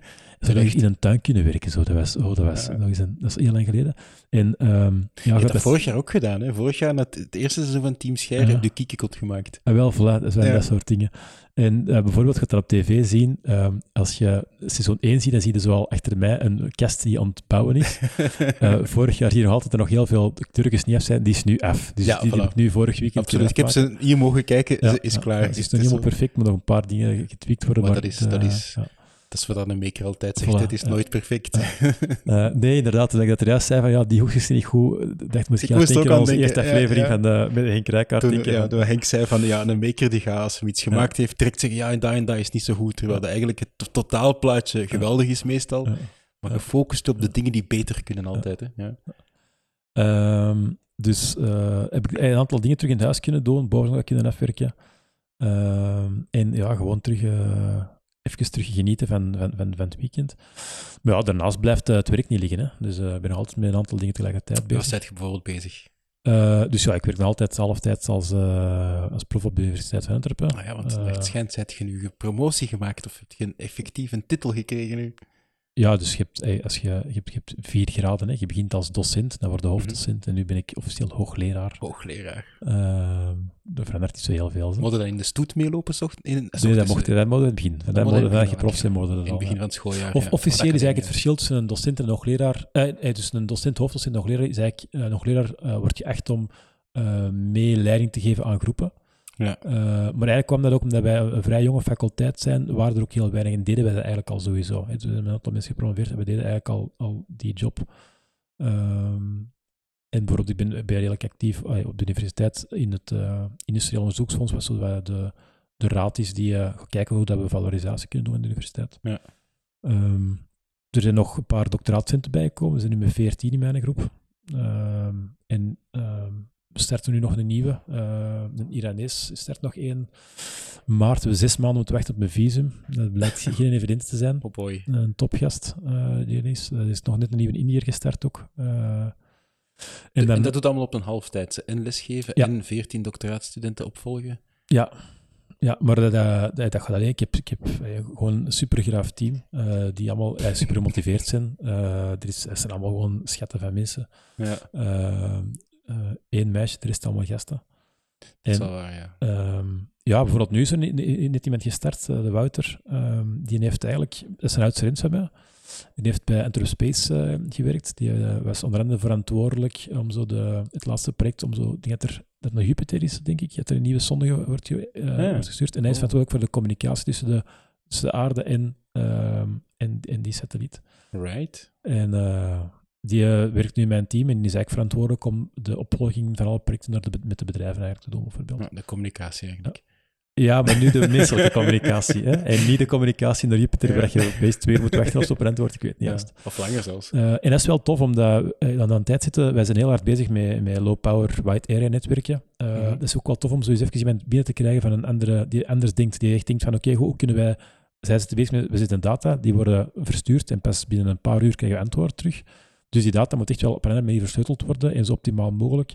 Uh, en dat is wel leuk, want er gaan we echt wel ons eigen met challenge van kunnen niet ergens iets, uh, iets ja. niet doen. En met dat team heb ik nu, uh, ben ik nu een nieuwe uitdaging. Ik wil tegen juni weten dat we in 2030 de wereld gaan veranderen. dat is het nieuwe okay. doel. Um, om de, ja, je moet vooral zorgen dat je niet zelf vastrust in het onderzoek dat vanzelfsprekend is. Hè. Dat, je, dat je onderzoek doet en Dat is ook zo gelijk. Toen ik zelf mijn doctoraat deed, zei mijn promotor op een gegeven moment tegen mij van, zeg Maarten, die is goed geweest. Nu gaan we stoppen en gewoon iets anders doen. Omdat je kunt altijd vinden wel kleine verbeteringen, Ja. maar af en toe, hey, zeker binnen een academisch onderzoek, moeten gewoon moeten, hey, far-fetched onderzoek ook gewoon gaan doen. En het idee van het onderzoek dat binnen 10 jaar is, hey, dus 2030, als je, ik, nu kom ik aan doctoraatcentrum ook met ideeën van we kunnen daar werken en daar aan het werken. En ik beoordeel eigenlijk van als je het nu kunt oplossen met een combinatie van technologieën die er nu zijn, Mhm. dan is het niet ver genoeg. Want dat kun je binnen Ja. vier, vijf jaar al doen. Ja. Dus je moet echt gaan kijken van hoe is de technologie aan het veranderen? Hoe denken we dat die binnen vier, vijf jaar gaat veranderen? En als dat zo is, wat kunnen dan, als je dan slimme combinaties maakt met technologie die er pas binnen vijf jaar is, wat kunnen we dan doen om Zou- tien jaar te je een gaan? beetje geïnspireerd door Jan Rabai dan? Eh, ja, dat, was dat is een beetje zijn credo toch ook? Hè? Dat hij, Ja, ja, ja, tuurlijk. Ja, ja. Ik, ik, had de eer om... eh, eh, ik ben de, de promotor van zijn eredoctoraat aan de dat universiteit. ja. Jan Rabai, die onlangs trouwens bij de serie van Brainman... Ja, schitterende serie trouwens. Hè. Bart van Peer en Otto Jan. Ja, echt inderdaad heel cool. Het is door die serie dat ik eh, geen sociale media meer op mijn gsm heb trouwens. Ja, ik, ik heb ze er ook afgegooid, ja. Alleen niet door die serie. En maar bijvoorbeeld, en wat is een nadeel? Je bent met heel veel dingen bezig. Ehm, en dat wil ook zeggen dat je zo... Ja... krijgt keihard mails binnen, krijgt keihard berichten, je krijgt Absoluut, keihard informatie. Wij proberen met het team alleen maar op Slack te communiceren, wat al heel veel mails beperkt heeft.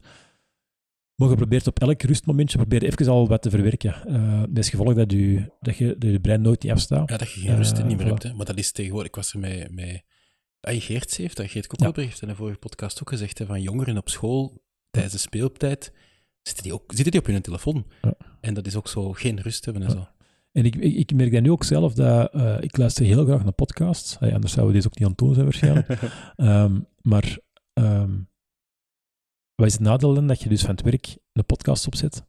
Eh, bijvoorbeeld uh, Nerdland, make, eh, Nerdland de maandoverzicht of eh, Welcome to the AA of eh, Computerclub, ook wel een best een leuke, een leuke podcast. Of Sweet Feet, ook een super grave podcast Ah, ja.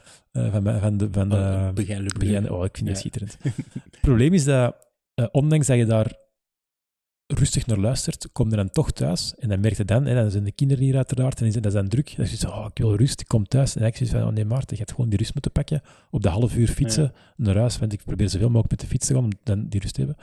Dus ik moet daar ook wel zien dat ik er iets ga doen. Ja. Dus halftijds inderdaad is dat, eh, is dat Universiteit Antwerpen en ook wel IMEC. Ja. Eh, Dat zit ook nog een keer in die halftijdse. Nee, dat is nog eens officieel dat 10%. Dat komt Ja. komt eigenlijk omdat bij onze onderzoeksgroep zijn wij geaffilieerd bij IMEC. En dat is eigenlijk eerder een Ja. legale reden. Ehm, omdat wij anders niet, eh, mogen wij niet vanuit uit Dat is een wel illegaal. Nee, nee, bijvoorbeeld, we- we- eh, anders zouden wij niet in een Europees project als IMEC daar mogen fungeren. Ja, ja, ja. Eh, en heel veel van het onderzoek doen wij samen met IMEC en ook binnen IMEC. Hè. Dus dat is het groot verschil tussen een gewone onderzoeksgroep binnen de universiteit en IMEC is dat heel veel van onze eh, strategische doelstellingen binnen de groep zijn wel geallieerd uiteraard met IMEC en is in heel veel Mm. overleg met andere groepen binnen IMEC. Want dat is wel het, het toffe daaraan, dat is, wij gaan niet met onze expertise naar een bedrijf. Wij kunnen met heel de expertise die binnen IMEC, zowel in Gent als in Antwerpen, als in. Leuven, als in Eindhoven, als, eh, ziet, kunnen wij een offering naar een bedrijf doen, waardoor je die bedrijf wel veel beter kunt gaan, eh, gaan helpen. Right, en naast al het academische zit je nog... oei.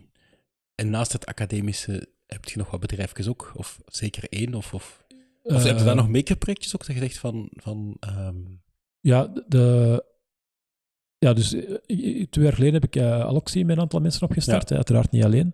Ehm waar eigenlijk, daar bouwen wij ehm, IoT-sensoren voor petrochemie. en is dat ontstaan vanuit een onderzoek? Vanuit... Eh, Het is eigenlijk heel grappig ontstaan. Eh en, en, ehm, eh, grappig. Op een gegeven moment had ik zoiets van, kom, eh, het is tijd dat we eens aan de wereld laten zien wat we kunnen. En we gaan iets maken. Ja. Whatever. En eh toen gemaakt hebben is een, eh, een smart, wearable, eh, interactive ehm, Zigge, zigge. conferentie badge. Oké. Eh, dus een badge die je aandoet, hè, zo, je kent dat wel, gewoon een conferentie krijgt allemaal zo'n name tag en zo verder. Ja. hè. Wat wij gedaan hebben is een name tag met een e-ink displayje erop en zo verder. Dat low power is eh, en waar interactie mogelijk is. Dus je kunt vragen stellen eh, die je dan kunt beantwoorden via die badge. Die badge gaat ook interactie tussen mensen gaan meten, dus waar, met wie je in contact komt. Ja. En op basis van het profiel en antwoorden die je hebt gekregen, krijgt je badge een bepaald profiel. En kun je ook onder andere liedjes branden of andere figuurtjes. En bijvoorbeeld, stel je voor dat jij vooral net, zeg maar AI-vragen beantwoord hebt, of, Ja. of, of geliked hebt, of, of het is eender wat. En ik je eerder communicatievragen, vragen, dan gaan wij een ander profiel hebben. En als wij dan in de receptie kunnen wij dan zien, ah ja, jij bent eerder een AI-man of een dataman en zo verder. Ja. Dus afhankelijk van je ding kunnen daar kunnen interactie gaan En dat was genereren. backend systeem, of niet? Dat is ook mijn backend systeem, hè, dus Ja. de communicatie was dan met Dash 7, uiteraard. Mhm. Eh, en dan een backend systeem dat dat gaat, dat gaat doen. En dan iemand die, eh, die vragen kon, be- bestellen, eh, kon, kon, kon posen en zo Ja. verder. En ehm, er was eigenlijk wel heel veel reactie toen. Dus ook nog wel toen op... op, op ehm, ja, en hetgeen wat je wou laten zien is die low power Ja, communicatie. voilà. is- Dat je echt wel eigenlijk- low power ehm, dat kunt gaan doen. ehm en dat die interactie, dat was eigenlijk toen het, toen het ink displays zo aan het opkomen waren. Zo, Ja, de eerste, ja, ja, eerste, daar was ook wel eh, veel tijd in gestoken. om Dat, dat Want ai, het, het grote voordeel qua power is dat je alleen maar stroom nodig hebt om het te laten veranderen, zeker? voilà, ja. als het een bepaalde status heeft, Ja. verbruikt het niks. Hè? Ja. En dat valt nog wel tegen, want het duurt ook nog zes seconden eigenlijk om dat... eh, om, om, om, eh, dus, eh, degene die we toen hadden, dat duurde zes seconden om die switch volledig te doen. Maar, Eh, wat eigenlijk op dit moment wel wat energie vroeg, eh waar je dan weer met timing dingen zit, want als je dan een berichtje binnenkreeg, dan... eh, oh, anyway, Ja. details. Ehm, en dan zijn we gaan kijken, omdat er echt wel wat vragen waren, van, kunnen we daar geen businessmodel rondbouwen? Ehm, en dat bleek dan toch moeilijk te zijn, in de zin van, er waren, was heel veel interesse, maar heel veel one-offs. Zo, ja, we willen dat voor die conferentie, voor die Ja, conferentie. zo, ja. Maar dat was geen sustainable business model. En op dit moment kreeg ik een aantal vragen vanuit eh, mensen uit de petrochemie, vanuit BSF, vanuit Fabricom. Van, ja, we hebben dat en dat probleem, eh, klippen die we willen kunnen lokaliseren, mensen die we kunnen, willen kunnen lokaliseren als er een, als er, als er een, emergency is en zo verder. En dan viel me een vraag van, ja, eigenlijk kunnen we met vergelijkbare technologie gaan oplossen. Dus de basiscomponenten, namelijk de sensoren, de interactie, de, de lokalisatie, de communicatie, is eigenlijk hetzelfde. Oké, die Mhm. vormfactor is helemaal anders. En dan zijn we daarop gesprongen een aantal mensen, eh, een groep van mensen eigenlijk bij elkaar gezameld. Eh, zowel mensen met businesservaring, mensen met technische ervaring, waaronder ik zelf dan, en mensen met, eh, vanuit, de sector zelf. En ja, heel veel bevragingen gaan doen en zo verder. Toen werk ik dan ook binnen IMEC gepaard met Lien, zo heb ik Lien eigenlijk leren kennen, Ja. Korvits, die ook Lien met Team ja. meedoet. Die eigenlijk mij challenge continu, met, met, ga eens met je gebruikers praten en zo verder en zo verder. En daar is dan, ook met investeerders gaan praten, is dan gebleken dat er wel een businessmodel was rond eh, in de petrochemie. Hadden we daar tien potentiële applicaties. Hebben we dan echt wel hard gefocust op één, rond uh, manual, valve, manual valve position indicators. Ja, dus eigenlijk een toestel dat uh, wat in petrochemie um, een, een, heel belangrijk issue is, is, is, staat een bepaalde buis, staat die open of dicht? Ja, of een, of een clip, de stand van een clip De inderdaad. stand van een clip, en dat is inderdaad met zo van die valven, gelijk eh, draaiwielen, of, of hendels, waar ja, klopt. eigenlijk manueel, ja. maar daar komt het op neer, die ja. zijn niet automatisch, die moeten manueel. Maar in een controlekamer wilt je weten welke kleppen staan open, welke zijn dicht. Uh, en ofwel loopt er een ventje heel de tijd rond. Of twee zelfs. Ja. Of twee, ofwel met camera's Ja. waarschijnlijk bestaan. Camera's niet. nee. Waarom geen camera's? Dat, als je er loopt, dat gaat bijna niet. Bedoel, Dat gaat- je, hebt, zijn er hebt te zoveel, je veel. hebt zoveel clippen Ja, bij elkaar. En, uh, Dus had jij het idee van, we zetten daar een sensor op, die dat met een, een magnetisch, met een kompasachtig systeem, vanaf. Dus je hebt, je hebt eh, inderdaad... eh, die dat eigenlijk weet hoe, dat, hoe, dat die, hoe dat die club staat. Ja. Eh, en dat dan eigenlijk via Dash 7 is een draadloos... Of Flora. Of LoRa is eigenlijk een protocol waar je geen wifi voor nodig Ja. hebt, maar eigenlijk over grotere afstanden met low power Ja, klopt. zijn data kan doorgeven. Ja. En dat was een heel toffe, omdat binnen de universiteit werkten wij, werken wij, wij, wij zijn eigenlijk een beetje een aparte groep. Wij gaan heel hard linken naar low-power communicatie, maar, en ook het embedded, maar heel veel tot aan het prototypen. Hè, van, kan iets. Ja. Eh, en daar stopt het meestal. Wij maken er ook heel veel door. Voilà, ja. Je stopt bij dat prototype. Ik heb hier ook al, sinds dat Team Scher gedaan was, al wat prototypes gemaakt, maar dat blijft bij zo een 3D-pint hand, waar het de motortjes naast liggen. ja. Dat blijft bij een eh gelezerkette wandlamp die nog moet geprogrammeerd worden. Zo heel veel dingen. eh, Zo, eh, nog geen afgewerkte producten, nee, precies. voilà, zo. ja. Eh, omdat ik zo heel veel ideeën... ja, ja, dat is niet anders. Mijn brein in januari was een ramp, maar ehm, te veel ideeën.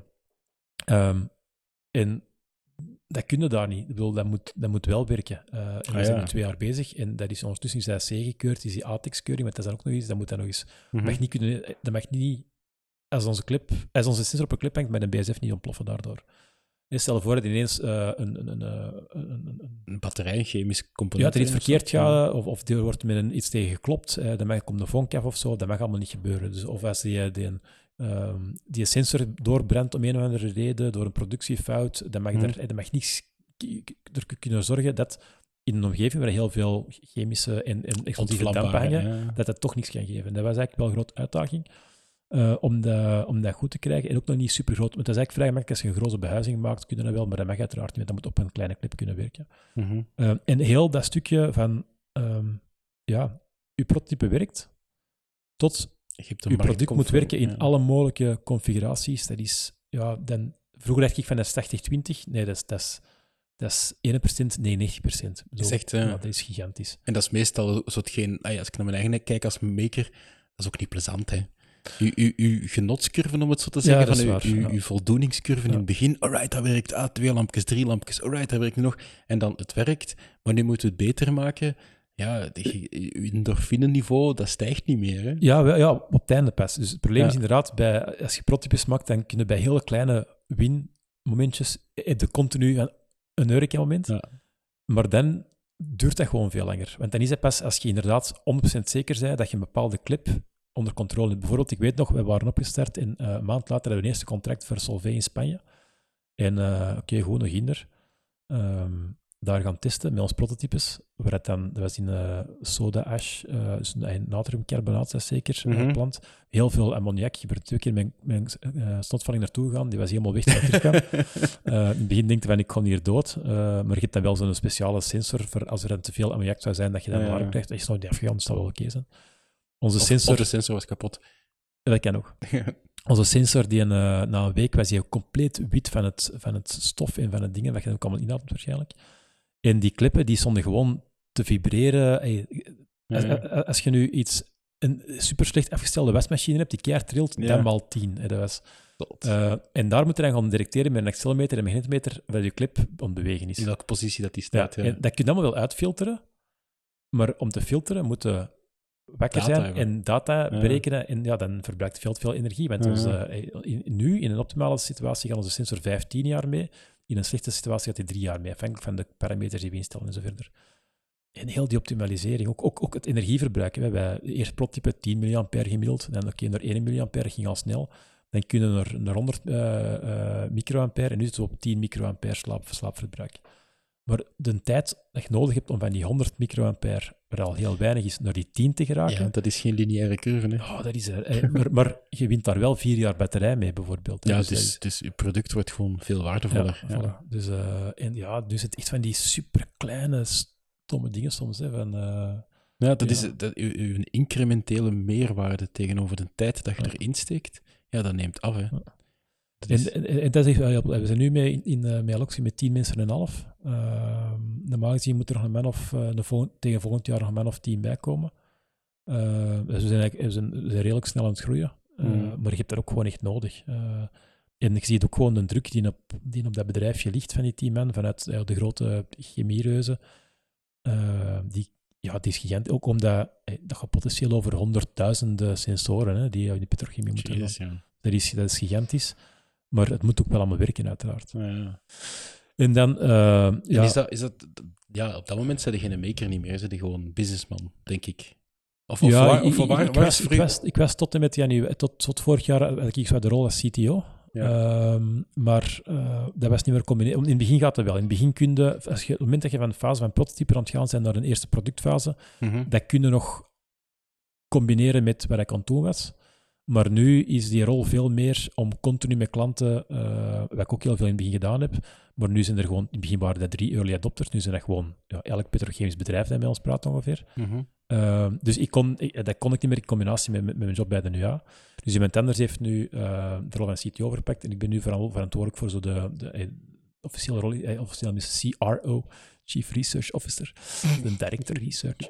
Eigenlijk de langere termijn innovaties. Ja. Eh, waar, waarin, eh, om uiteraard, ja, we zijn een, een, een, een, een bedrijf dat continu moet innoveren, dus je moet nu bezig zijn met wat gaan we binnen een jaar of twee op de markt brengen. Ja, ja. Ehm, en dat is een hele leuke tweestrijd, want ik wil graag ons werknemers gebruiken om die nieuwe innovaties te doen, maar ja, die moeten uiteraard werken om het huidige product stabiel te krijgen. Ah, ja. Dat is een gigantische tweestrijd altijd. En zo in heel, het, in heel de evolutie, want kan me best wel voorstellen dat de eerste keer dat je dan zo die batchjes maakt voor die conference, dat dat echt, dat is echt maker. Dat is iets, we gaan dat doen voor de Jol, we leggen ons eigen een, een uitdaging op. Maar waren ons- ook al 200, dus dat is ook al een uitdaging. Dat was ook al 200. Ehm, waar de toen al de grens... Ah ja, wat ik op zoek ben, is waar in heel dat proces eh stikte de grens over van nu ben ik geen maker niet meer. nu Eh, ben ik echt een bedrijf aan het runnen, of nu ben ik iets aan het doen wat dat, eh, ja, het makerschap overstijgt of voorbij passeert of zo.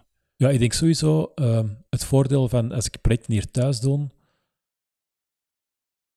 er moet niet te veel onderbouwd worden op dit moment. Je doet gewoon iets en als het mislukt, dan mislukt het. Ja. Who cares? Ik, bedoel, ik, ik heb zo eh, mijn kippenkots, hè, dat gaat automatisch open en dicht. Ehm, Standaard makerprojectje voor Voilà. iedere maker in mijn kippen. maar dat is nu al een maand dat dat niet meer werkt. En ik heb zoiets van, oké, weet je, de kippen worden ze ook niet opgegeten, dus waar zou ik het toch aanpassen? Er is geen, er is geen vos. Eh, er is ergens iets met, dat, met, dat motortje dat wij van het slippen is en ik moet dat eens, Ja. eh, moet dat eens bekijken, maar ik heb zoiets van, oké, va. Ehm, dus dat, is een groot verschil. Ja. Op het moment dat het eigenlijk niet meer uit, eigenlijk hier ook heel het huis zit, zit vol met domotica, daar draait nu al drie jaar stabiel op een Raspberry Pi. Ehm, ja, het alarm van achter, eh, de, de sensor, die batterij was leeg, dat is nu wel vervangen voor de luisteraar. ja, ik je zeggen, dat we... Eh, die, maar ja, dat was toen zoiets van, oké, goed, ik moet dat iets doen. ja. Terwijl als je bij de universiteit, als we daar projecten doen, is er altijd uiteraard een bepaalde hypothese te gaan, te gaan, te gaan testen. Ja. Het verschil met die batches was ook, dat ze, er was dat niet. Er was dat vooral van, we willen laten zien wat we, wat we kunnen. Ehm, en daar kun je nog een beetje duct tape engineering doen. Je kunt nog ehm, software schrijven waar je weet van als we dat binnen die context gebruiken, Mhm. dan kun je perfect een demo mee doen. Ze zijn altijd naar demo's aan het werken. ja. Ehm, dus het moment dat je niet meer naar demo's werkt, maar naar iets dat je moet kunnen afgeven aan de klant, En dat duurzaam En dat moet moet blijven, blijven werken. Ja, ja. dat is de gigantische stap. Ja. Eh, en dat zie ik nu ook bijvoorbeeld. eh, We, we doen al eh, twee, drie jaar meten wij op een aantal podia en op de brug bij Tomorrowland hoeveel mensen er zijn. ja, dat mensen massa meten. En dat is nu een... ehm, dat hebben we nu ook op het, op het vuurwerk gedaan in, ehm, in, in Antwerpen bijvoorbeeld. Er is nu ook eh, op, op de Warrensweken al een paar keer gedaan. En er is nu echt wel interesse vanuit, vanuit, vanuit steden en gemeenten om dat echt te gaan gebruiken. Mhm. En daar hebben we nu eh, net een project ingediend om daar eh, een beetje funding voor te krijgen. En de bedoeling is om dat ook op te starten. De naam eh, Crowdscan hebben we net vastgelegd. Crowdscan. Ehm, en ehm, een crowdfunding voor de crowdscan. nou, dat is wel geen crowdfunding. Daar, daar hebben we gaan... oh nee, ik kan niet te veel over vertellen wat we allemaal gaan doen, maar... ehm, de bedoeling is dat dat inderdaad eh, apart runt. Dat daar iemand van mijn postdocs, die gaat dat bedrijf eh, runnen samen met een twee, drie ontwi- ontwikkelaars die nog aan het zoeken zijn. Ja. Als er mensen kandidaat zijn, laat me weten. Ehm, vooral in Bidden ontwikkelaars en een stukje backend. En daar heb ik ook nu ook gezegd tegen, tegen, tegen die mensen die in dat team gaan stappen van eh, houd er rekening mee dat alle software en hardware die je gaat gebruiken in het, die we nu gebruiken voor onze box, hè, ons proof of concept, dat we vanaf nul beginnen. Omdat die software nu is gewoon gebouwd om te testen, kunnen wij inderdaad, met de manier waarop Ja, wij ja. mensen tellen, kunnen we daar mensen mee tellen. Ja. Die is niet gemaakt om door een ander bedrijf te installeren en robuust te zijn en zo verder. Er is nu iemand nodig Ja. die als hij crasht, die weet van ik moet die een service terug opstarten, ik moet dat doen. Ja, nee, zo kennen. Dus je gaat, het, je gaat dat helemaal anders gaan, gaan, gaan Ja, ontwikkelen. hun architectuur is helemaal anders Ja, dan. Hè? ja. Dat is net alsof dat je het, het eerste prototype voor Tatjana bijvoorbeeld op een Arduino zou gebouwd hebben, maar ja, dat is niet wearable, dat kun je niet meepakken. ja. En dus dan gaat het, ja, voilà. Ik had mij dat wel, eh, ik had voor deze aflevering, eh, deze seizoen, en Team Scheire mij wel gezegd na het eerste seizoen van ik ga nu wel meer Arduino's Arduino gebruiken. En ik heb twee projecten waar dat totaal Nee, het, is uitgelopen. over het andere gaan we nog niet te veel zeggen. Ja. Dat is nog Daar heb ik nog wat werk aan trouwens, want daar ben ik nog niet helemaal content van. Dat werkt 90, 99, 95% van de tijd en nog die andere 5% moet Maar daar ging nog een paper over schrijven ook, hè. Ja, ja, als ik eens tijd heb. Maar dat zijn extra teasers voor eh, vanaf dat die aflevering in september waarschijnlijk op antenne Ja, komt en zo. Alright. Ik En denk, dan, ik heb zo het gevoel dat we nog uren kunnen doorgaan. Hè. Ja. Eh, ja, voilà. Maar gewoon nog iets zeggen. Ja, wel. Nog één ding. Waar, eh, want misschien zijn er al mensen die erop willen reageren. Dat zou tof zijn. In januari... Ja, we weten dat we met een aantal mensen... eh, Met Anthony trekt daar heel hard eh, zo ontkijken van, van hoe kunnen we meer sustainable eh, makers en, Ja. en innovatie helpen. Ja, Maarten, Anthony inderdaad heeft daar een traject op gestart, omdat, omdat hij, hij ziet heel hard, en wij allemaal zien heel hard de Ja. meerwaarde om naast het reguliere onderwijs ook gewoon het, het experimenteren, het, het, het exploreren, wat dan een maker doet, het zichzelf uitdagen, om dat eigenlijk ook... Ja, het doel is eigenlijk om dat ook een beetje ja, meer duurzamer te ondersteunen vanuit een of andere... Klopt. Ja, voilà. Het onderzoek is van hoe kunnen we dat duurzamer maken. En parallel daarmee vind ik dat daar ook eh, iets rond, rond innovatie bij start-ups en bij, bij, Ja. eh, bij bijvoorbeeld als je kijkt naar een aantal eh, podcasts eh, die over technologie gaan, dat is heel veel, wat, wat doet Apple, wat doet Google, wat doet Amazon en zo Mhm. Maar er gebeurt zoveel grave dingen, ook hier bij ons. In België, Vlaanderen. Eh, voilà. En eh, bijvoorbeeld, ergens de eerste week van januari had ik op, eh, op Radio 1 bij, bij de Wereld van Sofie, moest mag ik zo'n overzicht geven van wat we denken wat er gaat gebeuren in 2020. Mhm. En ik, ik belde een kwartier, direct krijg, daarna krijg je de telefoon en, en mails van, van, van, van bedrijven die zeggen, ja, wij zijn er al mee bezig, hoe kunnen we dat meer in de aandacht brengen? En dat is echt, de, je vindt die wel. Als je die bedrijven opzoekt, dan vind je zo in, bij Belovi en andere, bij van die, van die zaken, die echt wel toegespitst op technologie en innovatie, daar vinden die artikels wel, maar die bij het grote publiek. En ik ben al heel januari, lig ik zo wakker van, hoe kan ik ergens helpen om zo de innovatie in Vlaanderen Mhm. bekend te maken bij het grote publiek. En zo aan het denken onder de stijl van Techfan bij ons, voor ons of zoiets, in die stijl. ik wil niet Techfan bij Vlaanderen, want dan krijgen we weer zo'n politieke connotatie. Het gaat over onze regio. Ehm, en, en ben nu echt wel aan het kijken. Er zijn een aantal podcasts ook die er al mee bezig zijn. Ehm, ik heb al een aantal, eh, ik heb ook al met Radio 1 en Radio 2 gebabbeld daar. Als je gewoon op Radio 1 technologie intypt, Ja. dan vind je de hack van Picanol, dan vind je een zelfrijdende auto die gecrashed is, en dan vinden ze alle negatieve Ja, zo van Dingen. alles gaat kapot. Of, of En- we gaan een keer zien of dat echt Ja. wel eh, werkt. En ik begrijp ook wel dat ze die technologie willen vertellen vanuit een menselijk verhaal. Ja. Maar dat is er soms ook wel. Als je gewoon eh, heel veel van de start-ups in, in Vlaanderen, die starten vanuit een, een, een, een reden. Die starten niet van, ik wil eens veel geld verdienen. Dat is ook de nieuwe trend. Vroeger hadden de unicorns, dat zijn, de, de bedrijven die heel veel geld ophalen. Mhm. Nu heb je zogezegd zebras. En een zebra is een start-up die eh, zowel gaat voor geld te verdienen, maar ook om de wereld te verbeteren. Ehm, Maar het is dat, ik denk dat dat, dat wel heel hard ook de brug maakt met, met, met een maker. Van, je ziet een probleem, ah, wat dat Team Scheire Ja. ook doet. Hè. Je Ja. ziet een probleem, mensen die dat eigenlijk ehm, tegen een muur lopen of iets wat dat verbeterd kan worden. En vanuit die mentaliteit denkt, we gaan dat oplossen. En technologie to the rescue. En als daar een businessmodel uit kan komen, zoveel te beter. Ja, en wel, voilà. En daar ben ik nu heel hard aan het denken. Hoe kan ik ergens ja, de, de, de mensen, eh, Vlaanderen of whatever, laten zien van Mhm. er gebeuren zoveel knappe dingen in Vlaanderen. Ja, absoluut. Als je Eh, daar een goede insteek voor vindt. Of is het een oproep?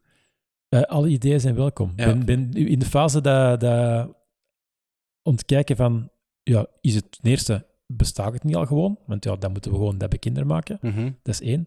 De tweede van, ja, ben ik de persoon die dat kan doen of wie zij dat met anders moet doen? En wie en hoe? Hè, Dat zijn Ja. de dingen. Is het eigenlijk vanuit een, een, een technologie-positief verhaal? Ja, want, vooral. Ja, want hetgeen wat je daar net aanhaalde van voorbeelden, waren vooral de negatieve dingen die technologie doen. ja, bijvoorbeeld een telefoon kreeg ik van een bedrijfje eh, die bijvoorbeeld met eh hit, eh, met, met, met brain sensoren, met Mhm. brainwave sensoren, ehm, detecteren dat, ehm, dat iemand een epilepsieaanval heeft. En dat was iemand waar zijn een eigen zoon heeft dat, en dat zijn soms 10, 15 seconden dat hij even gewoon ja, freest. Ja. Op die moment heeft de juf de meester in de klas gezegd van pak je een boek en bla bla bla.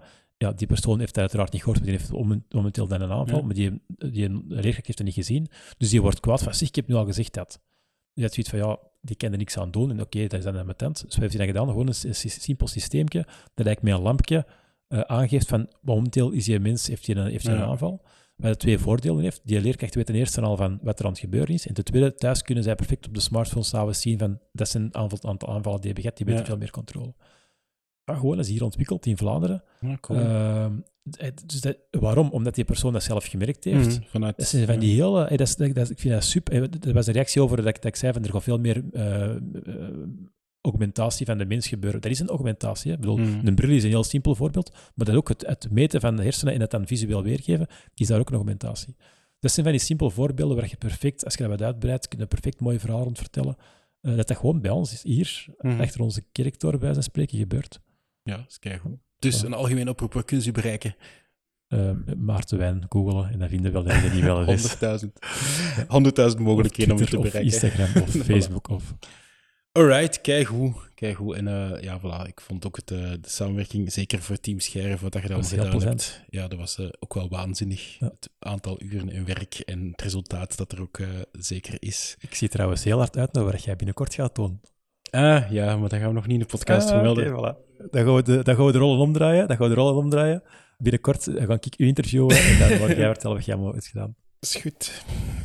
Alright, Maarten, heel erg bedankt. En ja, laat het weten als er nog dingen zijn. En zeker, ja, met Tati Sound heet het zeker, Ja, de applicatie die je gemaakt hebt. Als er eh, nog verdere evoluties in zijn, ik vind je cool. Ik denk dat er heel veel mensen met tinnitus daar ook wel geïnteresseerd in gaan zijn om een oplossing te hebben. Ja, voilà. Of als er mensen ermee aan willen werken, dat het product dat is, met heel veel plezier. Alright. Right. Bedankt. merci. Salut. Dit was de Nerdland Maker Talk.